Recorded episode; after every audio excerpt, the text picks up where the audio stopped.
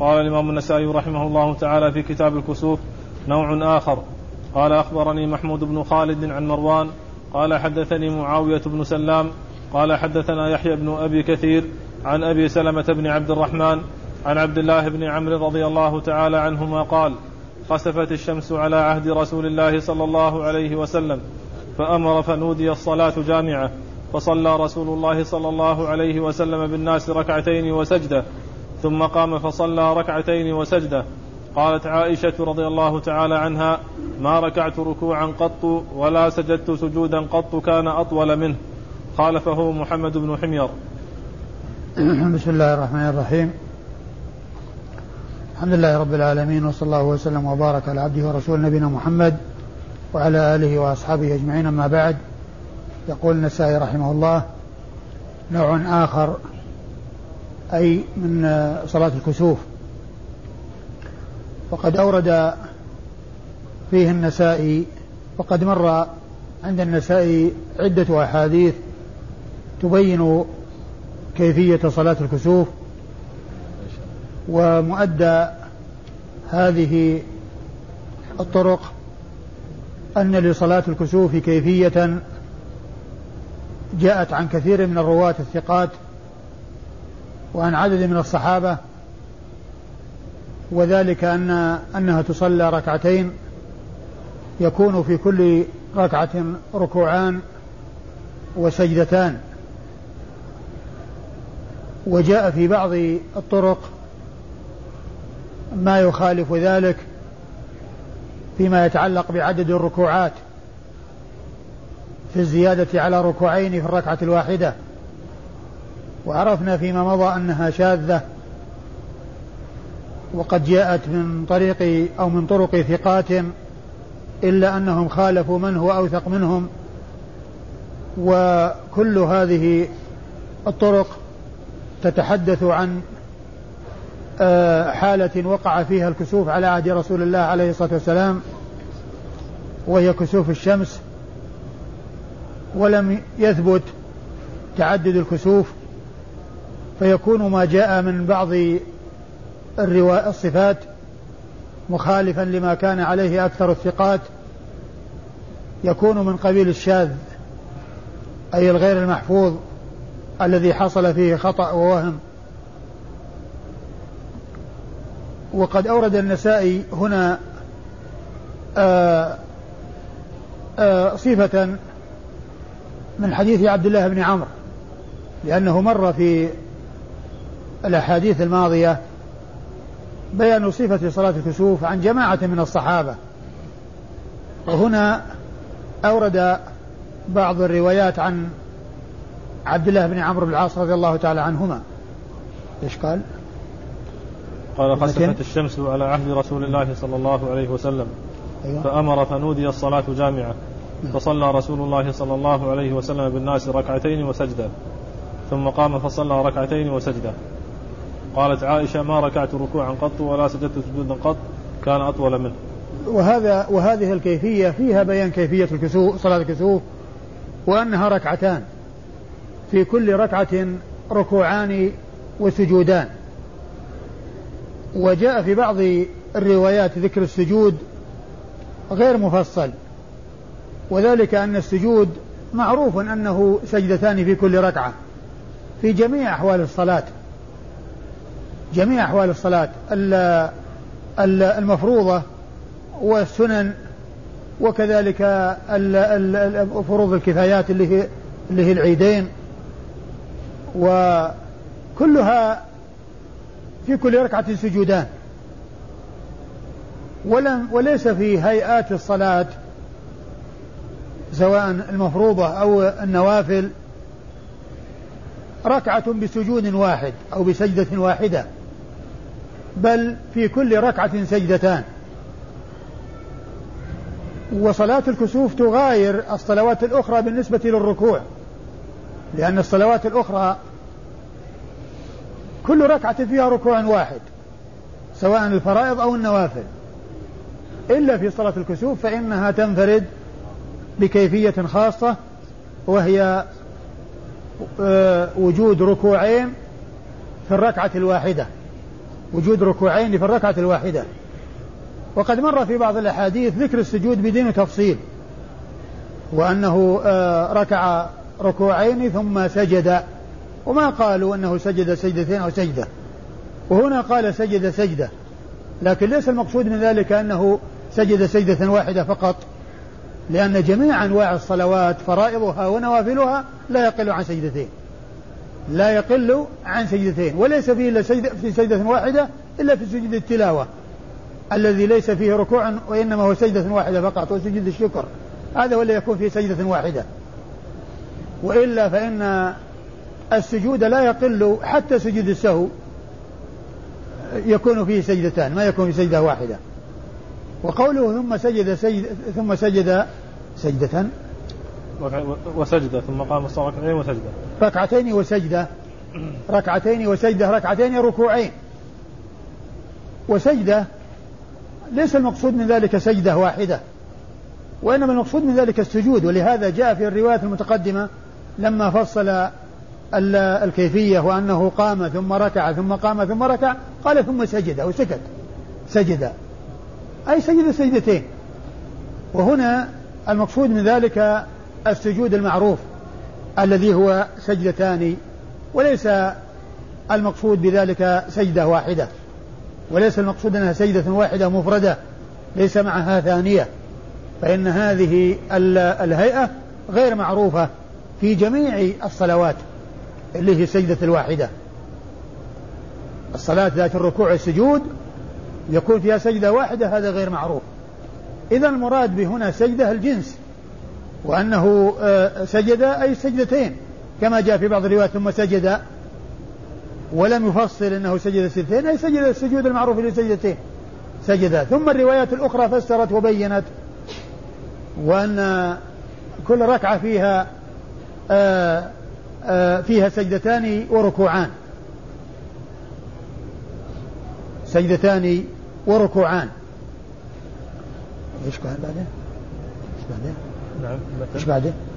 بعدين قال خالفه محمد بن حمير. قال خالفه محمد بن حمير يعني و الموضحة روايته في الإسناد الذي بعد هذا. أي الموضحة روايته ومخالفته في الإسناد الذي قبل هذا. أما إسناد الحديث فيقول النسائي أخبرني محمود بن خالد. أخبرني محمود بن خالد الدمشقي. محمود بن خالد الدمشقي وهو ثقة ثقة أو صدوق؟ ثقة. ثقة أخرج له مسلم وأبو داود و... أبو داود والنسائي وابن ماجه. مسلم وأبو داود والنسائي وابن ماجه الأربعة؟ لا شيخنا أبو داود والنسائي وابن ماجه. أبو داود والنسائي وابن ماجه ما في مسلم. لا. نعم. ليس أي أبو داود والنسائي وابن ماجه. أخرج حديثه أبو داود والنسائي وابن يعني ما أخرج له الشيخان ولا الترمذي. أيوة. عن مروان. محمود بن خالد الدمشقي ثقة خرج له أبو داود والنسائي وابن ماجه. أيوة. عن مروان. عن مروان هو محمد بن حسان الدمشقي وهو ثقة أخرج حديثه مسلم وأصحاب السنة. أخرج حديثه مسلم وأصحاب السنة الأربعة. عن قال حدثني معاوية بن سلام. قال حدثني معاوية بن سلام آه الدمشقي وهو ثقة أخرج له أصحاب الكتب الستة. نعم. أخرج له أصحاب الكتب الستة. أيوة. قال حدثنا يحيى بن أبي كثير.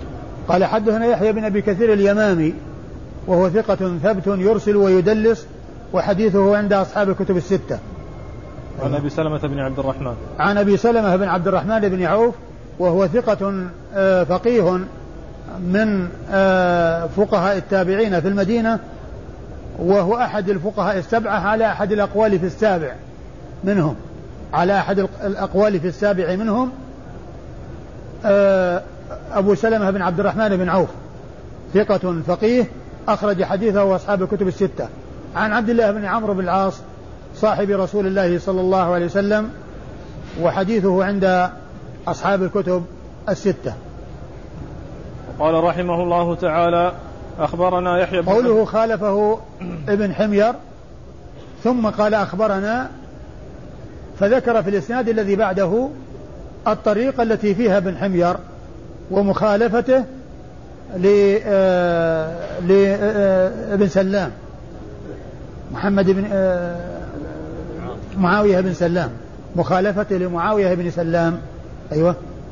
قال أخبرنا يحيى بن عثمان قال حدثنا ابن حمير عن معاوية بن سلام عن يحيى بن أبي كثير عن أبي طعمة عن عبد الله بن عمرو رضي الله تعالى عنهما قال كسفت الشمس فركع رسول الله صلى الله عليه وسلم ركعتين وسجدتين ثم قام فركع ركعتين وسجدتين. ثم جلي عن الشمس. وكانت عائشة تقول ما سجد رسول الله صلى الله عليه وسلم سجودا ولا ركع ركوعا أطول منه. خالفه علي بن المبارك.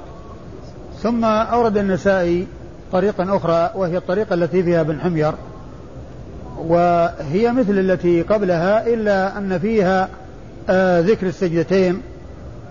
ومن المعلوم أن الطريقة السابقة يعني آه صحيحة ولا يؤثر فيها ذكر السجدة لأن لأنه ليس مقصود السجدة الواحدة وإنما هو جنس السجود المعهود المعروف في جميع الصلوات المفروضة والنوافل الفرائض والنوافل. وكما هو موضح في الرواية الأخرى وهذه الرواية وضحت ذلك بأنها ركعتين وسجدتين أي ركوعان وسجدتان أي ركوعان وسجدتان. وفي كل من الروايتين آه وفي هذه آه، الرواية السابقة فيها ذكر الأطول ما فيها أطول أو ما نعم. فيها. ها؟ كلاهما شيخ. الرواية الأولى وش فيها؟ الأولى ما ركعت ركوعا قط ولا سجدت سجودا قط لا. كان أطول منه. قالت عائشة. نعم. بعد الرواية الأولى؟ قالت عائشة إيه بعد رواية بعد رواية ابن سلام. ابن سلام نعم. أيوه. ما ركعت ركوعا قط ولا سجدت سجودا قط كان أطول منه. أي نعم. وفي آه وكذلك الرواية الثانية. عائشة رضي الله عنها وأرضاها تقول في آه صلاة الكسوف وفي آه الركوع والسجود أنها ما ركعت ركوعا أطول منه ولا سجدت سجودا أطول منه. معنى أنها تطال فيه القراءة والركوع والسجود. تطال في صلاة الكسوف القراءة والركوع والسجود. أيوة. أخبرنا يحيى يحيى بن عثمان. أخبرنا يحيى بن عثمان بن سعيد بن كثير بن دينار الحمصي وهو صدوق أخرج له أبو داود والنسائي وابن ماجه. أبو داود والنسائي وابن ماجه. أبو داود والنسائي وابن ماجه. عن ابن حمير. عن ابن حمير وهو محمد ابن حمير الحمصي وهو ثقة صدوق شيخ. وهو صدوق أخرج حديثه البخاري وأبو داود في المراسيل والنسائي. البخاري وأبو داود في المراسيل والنسائي. وابن ماجه. وابن ماجه أيضا؟ نعم. ها؟ نعم. وابن ماجه؟ نعم. آه النسخة المصرية ما فيها ابن ماجه وإنما فيها البخاري ومسلم وأبو داود في المراسيل والنسائي. و نعم. تهذيب الكمال فيه ابن ماجه؟ نص على ابن ماجه. نص عليه؟ يعني فيه إنه روى عنه هو في واحد انه روى عنه اجازه ما أدري هو هذا ولا غيره. ابن ماجه. غير اسمه أيضا محمد بن حمير يا شيخ. إيه؟ هذا المسمى إيه محمد بن حمير نعم. اسمه محمد بن حمير. لا هو محمد بن حمير الحمصي. نعم. ها؟ فيه ابن ماجه؟ إذا كان في تهذيب الكمال ابن ماجه وهو ينص عليها بالأسماء فالقول ما قاله صاحب تهذيب الكمال لأن الرموز يحصل فيها أخطاء من حيث التحريف والحذف وما إلى ذلك لكن الأسماء التي التنصيص على الأسماء وهو الموجود في تهذيب الكمال حيث ينص على الأسماء ولا يرمز فهو المعتبر والمعول عليه. فإذا كان الأمر كذلك بأنه منصوص عليه بأن آه، ابن ماجه يروي أيضا لمن حمير مع البخاري وأبو داود في المراسيل والنسائي فهو المعتمد. أيوة. آه، عن معاوية بن سلام. عن معاوية بن سلام وقد مر ذكره. عن يحيى بن أبي كثير وقد مر ذكره. عن معاوية بن سلام؟ لا. نعم. عن معاوية بن سلام؟ نعم. ابن حمير عن معاوية بن سلام عن يحيى بن أبي كثير عن أبي طعمة عن عبد الله بن آه يعني المخالفة ل المخالفة من هو الثاني؟ مروان نعم. مروان بن محمد. المخالفة لمروان بن محمد. بن حسان. لأن كل منهما يروي عن عن معاوية بن سلام. إلا أن مروان بن حسان يروي عن يحيى يروي عن عن معاوية بن سلام عن يحيى عن آه، أبو سلمة عن أبي سلمة بن عبد الرحمن بن عوف. وأما هذا فهو يروي عن معاوية بن سلام عن يحيى عن أبي طعمة عن أبي طعمة عن عبد الله بن عمرو. يعني شخص آخر عبد الله بن عمرو. نعم عن عبد الله بن عمرو يعني يعني معناه أنه بين يحيى بن أبي كثير وبين عبد الله بن عمرو أبو طعمة. هذا هو المخالفة في الرواية. المخالفة في الرواية من حيث الإسناد أن هذا يرويه عن يحيى بن كثير عن شخص آخر غير الشخص الذي يرويه عنه آه، مروان بن محمد بن حسان. هذا هو وجه المخالفة وإلا فالمتن آه، واحد. المتن واحد إلا أن الرواية الثانية فيها ذكر السجدتين والرواية الأولى اللي فيها السجدة لا يؤثر لا يعني آه، ليس فيها شيء لأن المقصود بالسجدة الذي هو الجنس وليس المقصود سجدة واحدة فقط ليس معها ثانية. وأبو طعمة آه قال آه، ابن حجر في التقريب يحتمل أن يكون هلال شامي شامي مقبول آه ذكر أنه روى له النسائي في آه آه أبو داود والنسائي وابن ماجه. لا النسائي ليس في السنن. يعني فيه آه أيضا في مسند علي لأن سين ياء سين ياء النسخة المصرية. نعم. نسخة اللي عندنا في غيرها فيها سين بس؟ اللي عندنا في الشامية سين. سين بس؟ نعم. اي ماشي لعله. لأن الحافظ بن حجر قال يحتمل أن يكون آه هلال المذكور أولا وقد ذكره قبله وقال عنه إنه مقبول وأنه روى له النسائي في آه، يعني في المصرية يعني آه، سينيا أي في مسند علي. ولكن آه، كون كون الحافظ بن حجر قال أن يكون فلان يعني معناه أنه يكون في السنن. لأنه لو كان أنه يعني ليس ليس له يعني هذا ما كان يحيل على مسند علي. النسائي في مسند علي. فيحتمل أن يكون هذا المقبول وإلا فمجهول. قال إنه شيخ ليحيى بن أبي كثير. شيخ ليحيى بن أبي كثير. يحتمل أن يكون هلال المتقدم أولا وهو شامي مقبول ويحتمل وإلا فهو مجهول. وإلا فهو مجهول.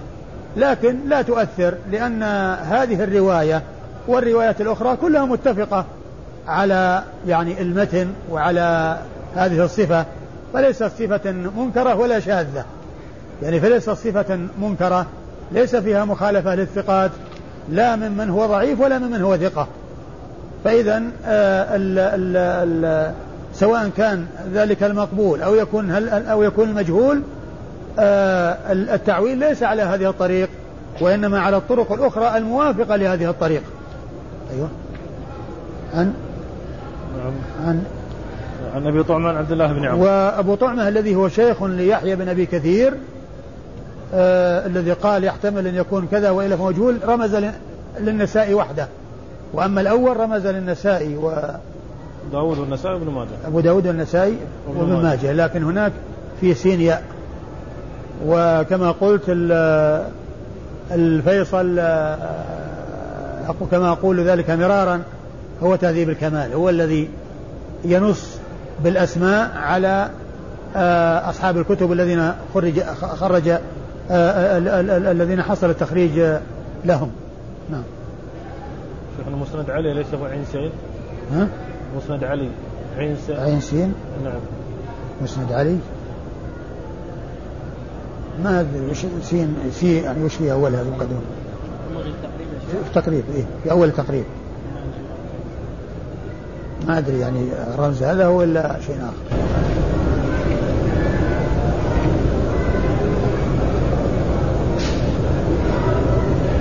المسند عليه له عين سين. عين سين؟ نعم. طيب وسين ياء فيه مسند مالك كاف غير موجودة غير موجودة؟ ها؟ ما في سين ياء؟ ما في النسائي ذكر سين وعين سين و هذه الشامية؟ لا هذه الشامية نعم العوامة؟ نعم وفي بعض الرموز ساقطة من الطبعة المصرية يعني آه، موجودة في في تهذيب الكمال أو في أو تهذيب التهذيب على كل نراجع هذا إن شاء الله ونبينه في درس قادم أيوة قال خالفه علي بن المبارك نعم. خالفه؟ علي بن المبارك قال خالفه علي بن المبارك ثم ذكر الطريق التي فيها علي بن المبارك ثم ذكر الطريق التي فيها علي بن المبارك نعم. قال أخبرنا أبو بكر بن إسحاق قال حدثنا أبو زيد سعيد بن الربيع قال حدثنا علي بن المبارك عن يحيى بن أبي كثير قال حدثني أبو حفصة مولى عائشة أن عائشة رضي الله تعالى عنها أخبرته. أنه لما كسفت الشمس على عهد رسول الله صلى الله عليه وسلم توضأ وأمر فنودي أن الصلاة جامعة فقام فأطال القيام في صلاته. قالت عائشة رضي الله تعالى عنها فحسبت قرأ سورة البقرة ثم ركع فأطال الركوع ثم قال سمع الله لمن حمده ثم قام مثل ما قام ثم قام مثل ما قام ولم يسجد ثم ركع فسجد. ثم قام فصنع مثل ما صنع ركعتين وسجدة ثم جلس وجلي عن الشمس. ثم ورد النسائي حديث عائشة رضي الله تعالى عنها وهي من طريق يحيى بن أبي كثير إلا أن إلا أن تلك الطريق تختلف عن الطريق عن عن الطريقين السابقتين. عن الطريقين السابقتين وكلها من رواية يحيى بن أبي كثير. والمتن مثل ما تقدم كله فيه ذكر الركعتين ولكن فيه ذكر سجدة مثل ما جاء في الرواية الأولى من هذه الروايات الثلاث. وكما قلت آه، السجدة ليس المقصود بها سجدة واحدة وإنما المقصود بها السجود كما جاء في بعض الروايات ثم سجد. ولم يذكر أنه سجد سجدتين يعني السجود آه، المعروف في الفرائض والنوافل والذي لا تختلف فيه أي صلاة من الصلوات لا فرائضها ولا نافلة عن أنه يكون سجدة أنه يكون سجدتين. أه وأما إسناد الحديث فيقول النسائي أخبرنا أبو بكر بن إسحاق وأبو بكر بن إسحاق هو هو الصغاني هو لا اسمه محمد. نعم. محمد بن إسحاق. محمد بن إسحاق. هو محمد بن إسحاق الصغاني. أبو بكر محمد بن إسحاق الصغاني وهو ثقة. ثقة ثبت أخرج له مسلم وأصحاب السنن. أخرج ثقة ثبت أخرج له مسلم وأصحاب السنن. عن؟ أبو زيد سعيد بن الربيع. عن؟ أبو زيد سعيد بن الربيع. عن أبي زيد؟ نعم قال حدثنا أبو زيد. حدثنا أبو زيد سعيد بن الربيع. سعيد بن الربيع. حدثنا أبو زيد سعيد بن الربيع وهو ثقة أخرج له البخاري و ومسلم والترمذي والنسائي. البخاري ومسلم والترمذي والنسائي. البخاري ومسلم والترمذي والنسائي. قال, قال الحافظ بن حجر في ترجمته وهو من من أقدم شيوخ البخاري وفاة لأنه توفي سنة 211 توفي سنة 211 وهو من شيوخ البخاري. لأنه من أقدمهم وفاة. هو من كبار شيوخه الذين أدركهم في صغره وتوفي سنة 211 قال حدثنا علي بن المبارك. قال حدثنا علي بن المبارك. علي بن المبارك هو ثقة آه له عن يحيى بن أبي كثير كتابان أحدهما سماع والآخر إرسال. قال وحديثه عن الكوفيين فيه شيء. وحديثه عن الكوفيين فيه شيء. وهذا الحديث من من رواية آآ آه، آآ آه، آآ شو اسمه بن الربيع؟ نعم سعيد بن الربيع. سعيد بن الربيع وهو من البصريون. وهو بصري. و وحديثه أخرجه أصحاب الكتب الستة علي بن مبارك. علي بن مبارك ثقة أخرج حديث أصحاب الكتب الستة؟ نعم شيخ. ثقة أخرج حديثه وأصحاب الكتب الستة نعم. عن يحيى بن أبي كثير. عن يحيى بن أبي كثير وقد تقدم عن أبي عن أبي حفصة مولى عائشة وهو مقبول أخرج حديثه النسائي وحده. مقبول أخرج حديثه النسائي وحده. عن عائشة رضي الله تعالى عنها وأرضاها ومن المعلوم أن هذه الرواية مطابقة للروايات الأخرى عن عائشة وغيرها التي فيها بيان صفة صلاة الكسوف وأنها ركعتان وفي كل ركعة ركوعان وسجدتان وهي لا تخالف الروايات الأخرى.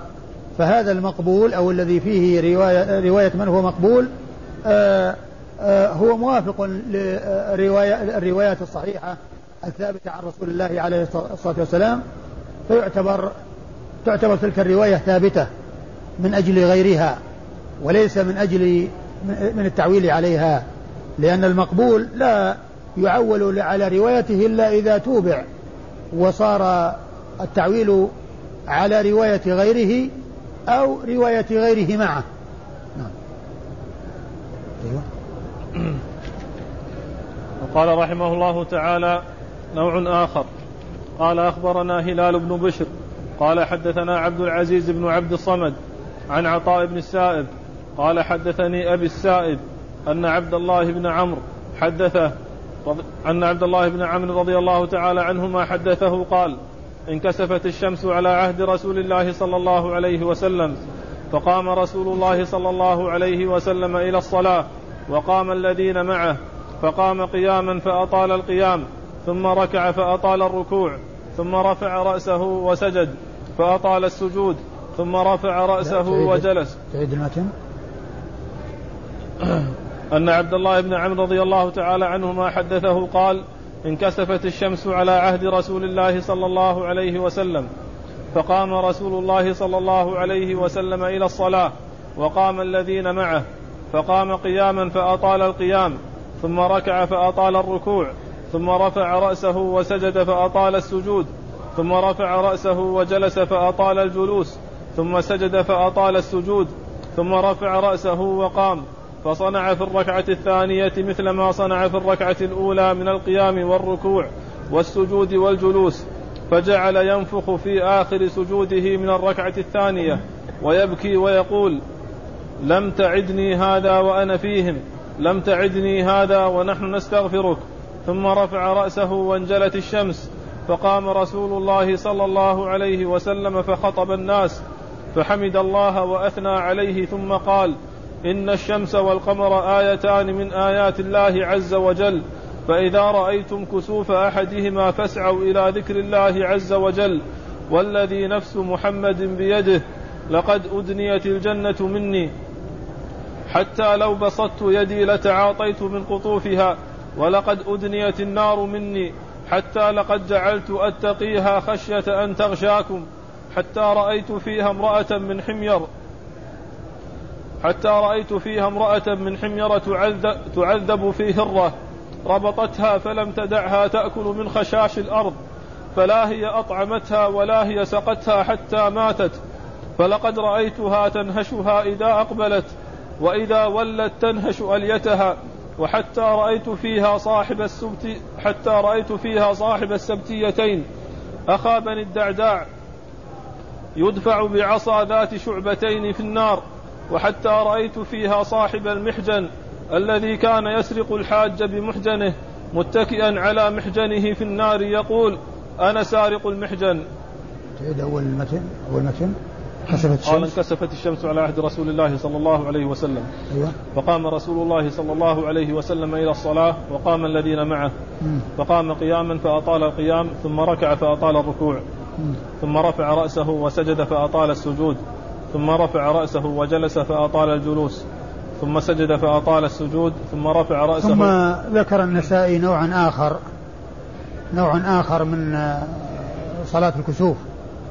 وذكر فيه حديث عبد الله بن عمرو العاص رضي الله تعالى عنه وفيه ذكر كيفية صلاة الكسوف وبيان تفاصيل الخطبة التي خطبها رسول الله عليه الصلاة والسلام بعد صلاة الكسوف.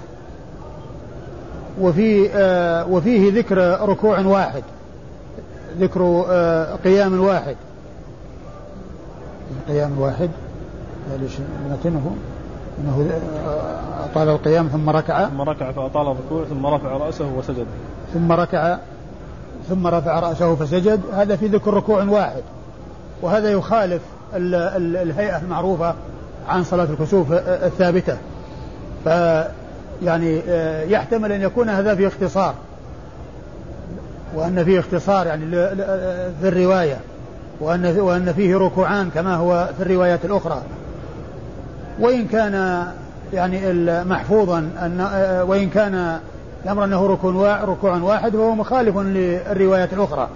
لكن ما جاء فيه من آه، كيفي من من ذكر آه، الخطبة وما فيها من آه، آه، وما فيها وما اشتملت عليه فإنه جاء في رواية أخرى عند غير النسائي. جاء في رواية أخرى عند النسائي إيش يقول؟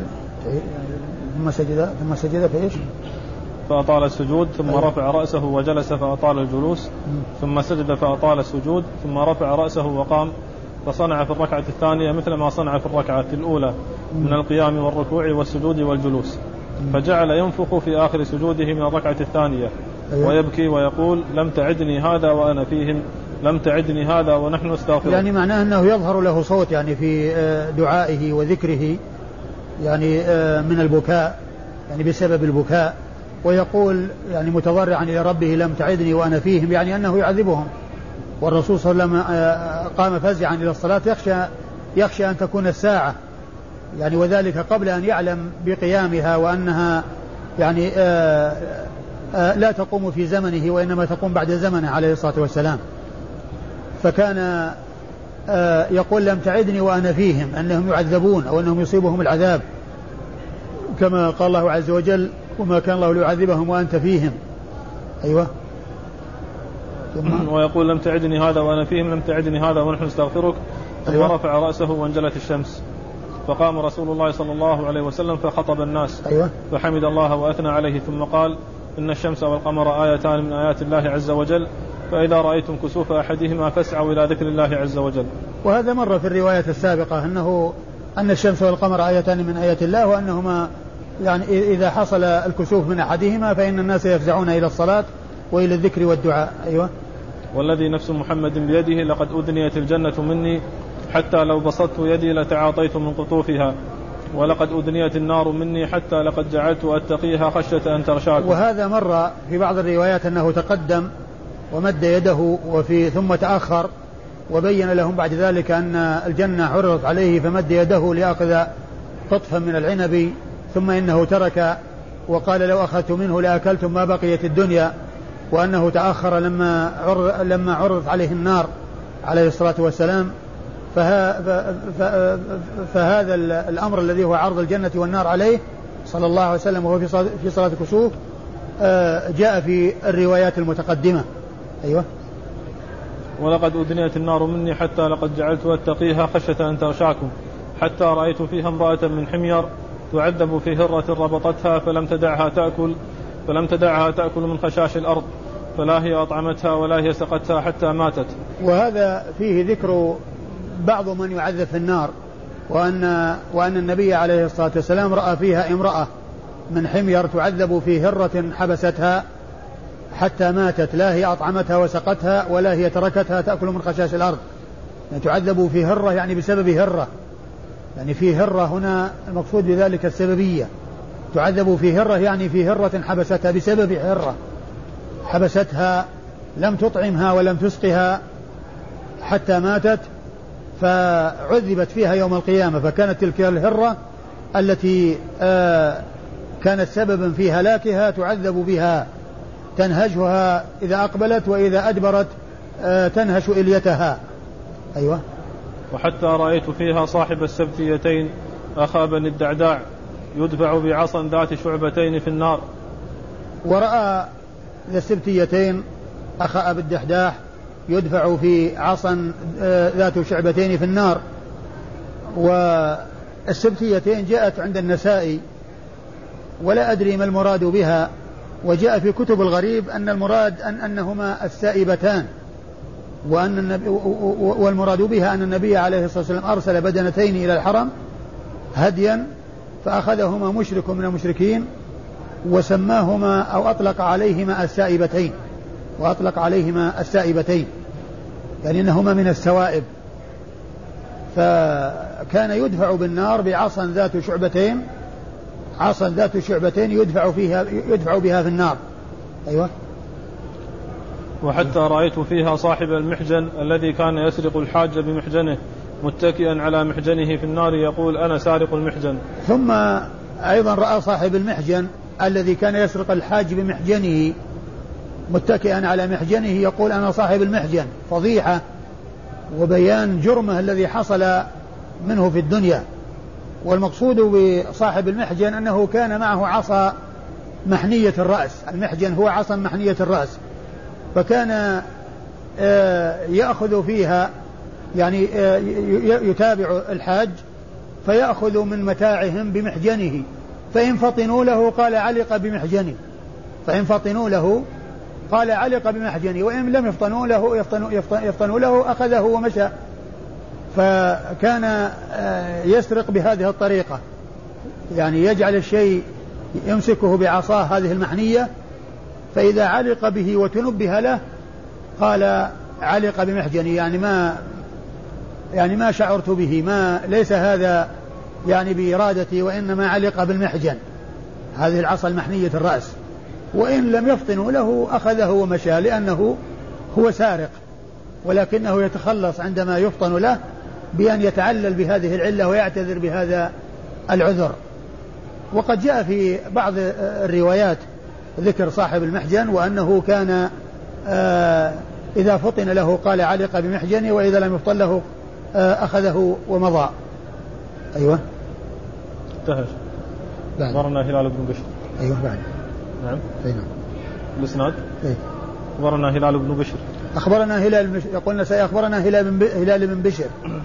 وهو ثقة نعم ثقة. أخرج له البخاري في جزء القراءة وأبو داود والنسائي. وهو ثقة أخرجه البخاري في جزء القراءة وأبو داود والنسائي. أيوة. قال حدثنا عبد العزيز بن عبد الصمد. حدثنا عبد العزيز بن عبد الصمد وهو ثقة أخرج حديثه أصحاب الكتب الستة. عن عطاء بن السائب.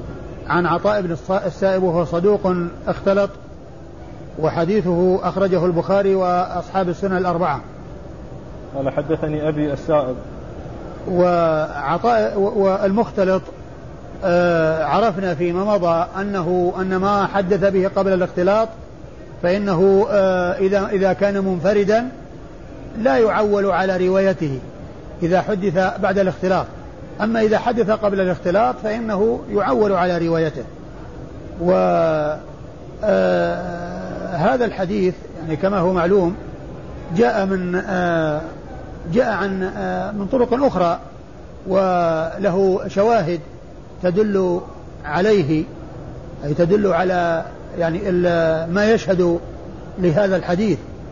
فلا تؤثر رواية عطاء بن السائب وكونه اختلط. ولم يذكر أن عبد العزيز بن عبد الصمد ممن سمع منه قبل الاختلاط لأن الحافظ بن حجر ذكر في, ترجمة آه، عطاء بن السائب الذين سمعوا منه قبل الاختلاط. وما عداهم فهو إما بعد الاختلاط وإما مشكوك فيه. إما بعد الاختلاط وإما مشكوك فيه. لكن آه، آه، الذي يؤثر هو انفراد المختلط. انفراده بالرواية. انفراده بالرواية. هذا هو الذي يؤثر. نعم. قال حدثني أبي السائب. قال حدثني أبي السائب أبوها السائب بن مالك وهو ثقة أخرج حديثه البخاري في الأدب المفرد وأصحاب السنن؟ نعم. البخاري في الأدب المفرد وأصحاب السنن الأربعة. أن عبد الله بن عمرو رضي الله تعالى عنه حدث؟ أن عبد الله بن عمرو وقد مر ذكره. نعم. وقال رحمه الله تعالى أخبرنا محمد بن عبيد الله بن عبد العظيم. قال حدثني إبراهيم سبلان. قال حدثنا عباد بن عباد المهلبي عن محمد بن عمرو عن أبي سلمة عن أبي هريرة رضي الله تعالى عنه قال كسفت الشمس على عهد رسول الله صلى الله عليه وسلم فقام فصلى للناس فأطال القيام ثم ركع فأطال الركوع ثم قام فأطال القيام وهو دون القيام الأول ثم ركع فأطال الركوع وهو دون الركوع الأول ثم سجد فأطال السجود ثم رفع ثم سجد فأطال السجود وهو دون السجود الأول ثم قام فصلى ركعتين وفعل فيهما مثل ذلك. ثم سجد سجدتين يفعل فيهما مثل ذلك حتى فرغ من صلاته ثم قال إن الشمس والقمر آيتان من آيات الله وإنهما لا ينكسفان لموت أحد ولا لحياته فإذا رأيتم ذلك فافزعوا إلى ذكر الله عز وجل وإلى الصلاة. ثم ورد النسائي حديث أبي هريرة رضي الله عنه وفيه بيان كيفية صلاة الكسوف على الصفة الثابتة من الطرق الكثيرة عن رسول الله عليه الصلاة والسلام وهي ركعتان في كل ركعة ركوعان وسجدتان.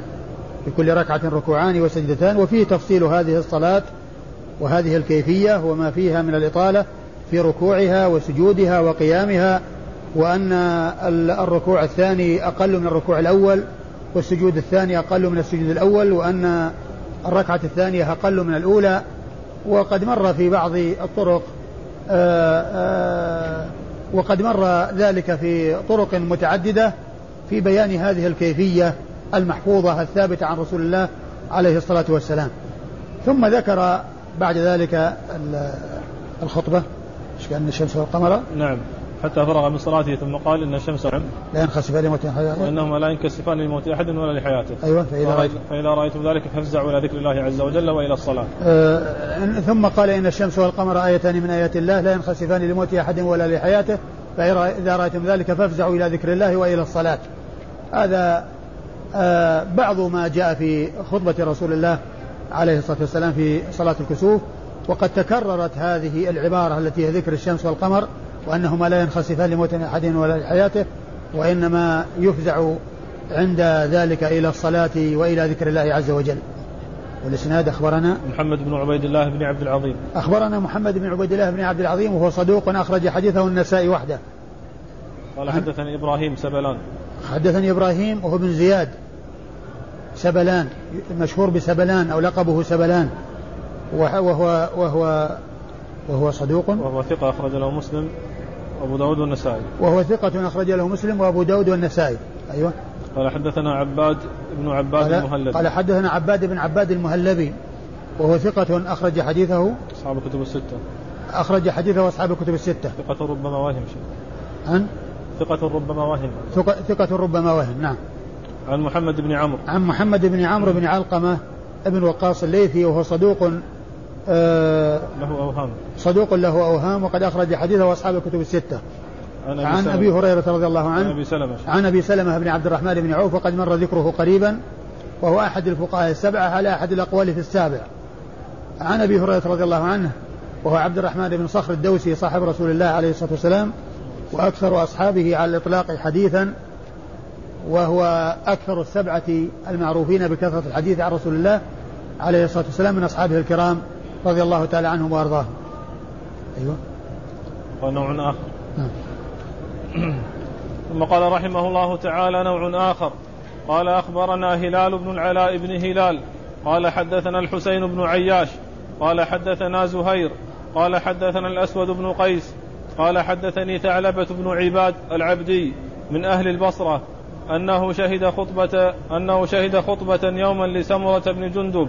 فذكر في خطبته حديثا عن رسول الله صلى الله عليه وسلم قال سمرة بن جندب بين أنا يوما وغلام من الأنصار نرمي غرضين لنا على عهد رسول الله صلى الله عليه وسلم حتى إذا كانت الشمس قيد رمحين أو ثلاثة في عين الناظر من الأفق اسودت فقال أحدنا لصاحبه انطلق بنا إلى المسجد فوالله ليحدثن شأن هذه الشمس فوالله ليحدثن شأن هذه الشمس لرسول الله صلى الله عليه وسلم في أمته حدثا.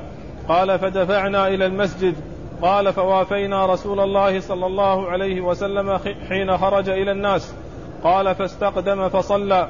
فقام كأطول قيام قام بنا في صلاة قط ما نسمع له صوتا. ثم ركع بنا كأطول ركوع ما ركع بنا في صلاة قط ما نسمع له صوتا. ثم سجد بنا كأطول سجود ما سجد بنا في صلاة قط لا نسمع له صوتا. ثم فعل ذلك في الركعة الثانية مثل ذلك. قال فوافق تجلي الشمس جلوسه في الركعة الثانية.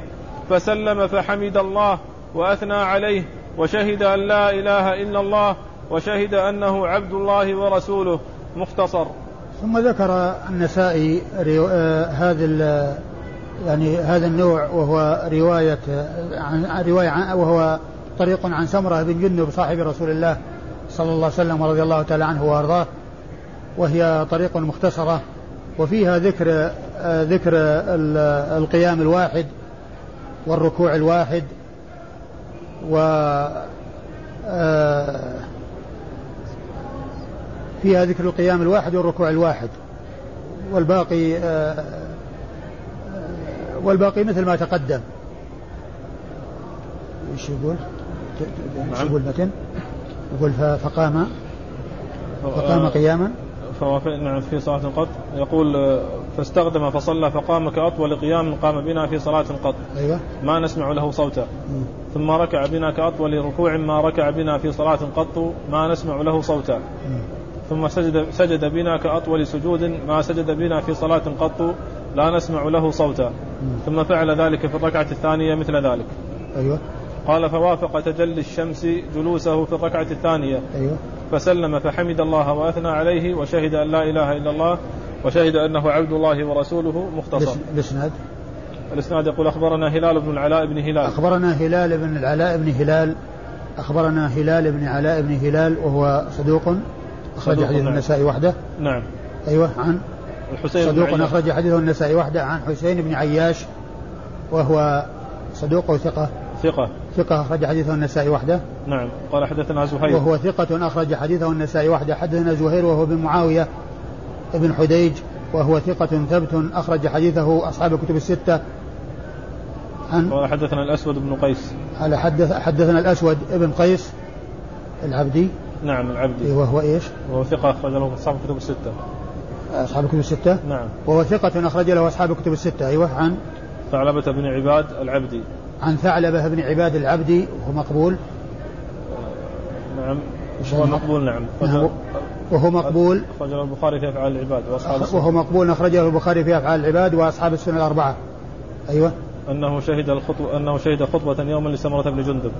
أنه شهد آه، خطبة يوما لسمرة بن جندب وذكر فيها ما حصل لرسول الله صلى الله عليه وسلم في صلاة الكسوف وأنه صلاها وأنه صلى صلاة الكسوف وفيه ذكر القيام الواحد والركوع الواحد. ومن المعلوم أن فيها قيامان وركوعان. وهذا الإسناد فيه هذا المقبول الذي هو ثعلبة بن عباد ثعلبة بن عباد العبدي وهو مقبول أخرج حديثه البخاري في أفعال خلق أفعال العباد وأصحاب السنن الأربعة. أه والله تعالى أعلم وصلى الله وسلم وبارك على عبده ورسوله نبينا محمد وعلى آله وأصحابه أجمعين.